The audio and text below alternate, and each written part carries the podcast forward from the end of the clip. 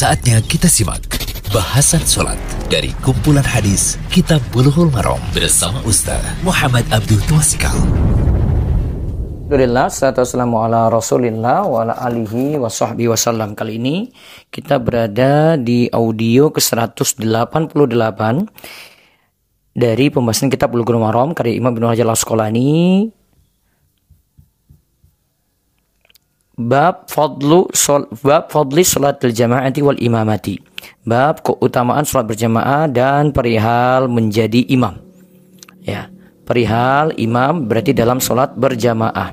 Kita lihat hadis yang dibawakan di sini hadis nomor 409 an Aisyah radhiyallahu anha fi qissati salati Rasulillah sallallahu alaihi wasallam bin nasi wa huwa maridun Qalat faja'a hatta jalasa an yasari Abi Bakrin fakan yusalli bin nasi jalisan wa Abu Bakrin qa'iman yaktadi Abu Bakrin bi salati Nabi sallallahu alaihi wasallam wa yaktadi nasu bi salati Abi Bakrin Mutafakun alaih. Dari Aisyah radhiyallahu anha tentang kisah solat berjamaah Rasulullah sallallahu alaihi wasallam saat beliau sakit. Aisyah radhiyallahu anha berkata, beliau datang dan duduk di sebelah kiri Abu Bakar ayah Aisyah berarti ya. Beliau mengimami jamaah dengan duduk. Sedangkan Abu Bakar, sedangkan Abu Bakar berdiri. Sedangkan Abu Bakar berdiri. Abu Bakar mengikuti sholat Nabi Shallallahu Alaihi Wasallam dan orang-orang mengikuti sholat Abu Bakar, di mana Abu Bakar itu sebagai penyampai suara atau mubalik. Jadi Abu Bakar menyampaikan suara yang dari imam ini ke belakang. Mutafakun alaih hadis ini diriwayatkan oleh Imam Bukhari, uh, Imam Bukhari dan Muslim. Imam Bukhari membawakan hadis ini dalam judul bab seorang mengikuti imam dan orang-orang mengikuti yang menjadi makmum. Taib. Faedah hadis dari dari hadis ini Pertama, hadis ini menjadi dalil bahwa orang yang tidak kuat boleh menjadi imam untuk orang yang berdiri yang mampu sholat. Ya, orang yang tidak kuat boleh menjadi imam. Ya, di mana makmumnya itu orang yang berdiri yang mampu sholat. Ini tidak ada masalah sebagaimana kisah dalam hadis uh, ini Abu Bakar kuat, kemudian Nabi SAW masuk, kemudian Nabi SAW jadi imam dan orang-orang yang kuat itu jadi makmum.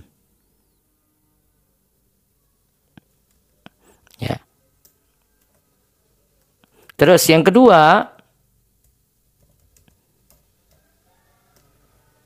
Yang kedua, hadis ini menunjukkan bolehnya menyampaikan suara imam.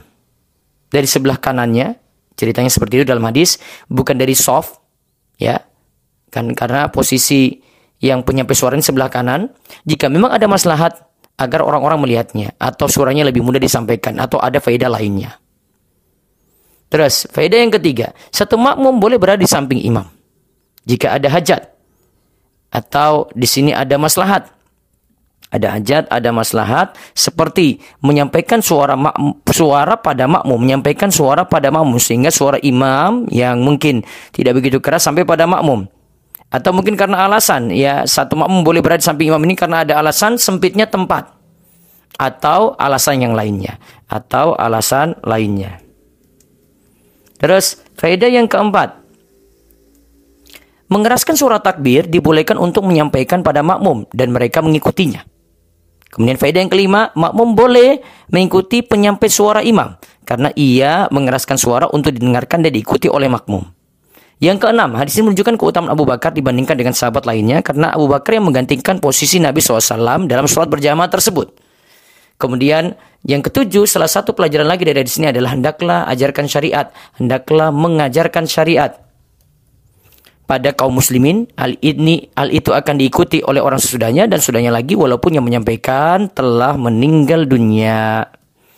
Terus faedah yang terakhir ya. Yang kedelapan, seorang mengikuti imam dan orang-orang mengikuti yang menjadi makmum. Inilah judul bab yang dibawakan oleh Imam Bukhari mengenai hadis ini.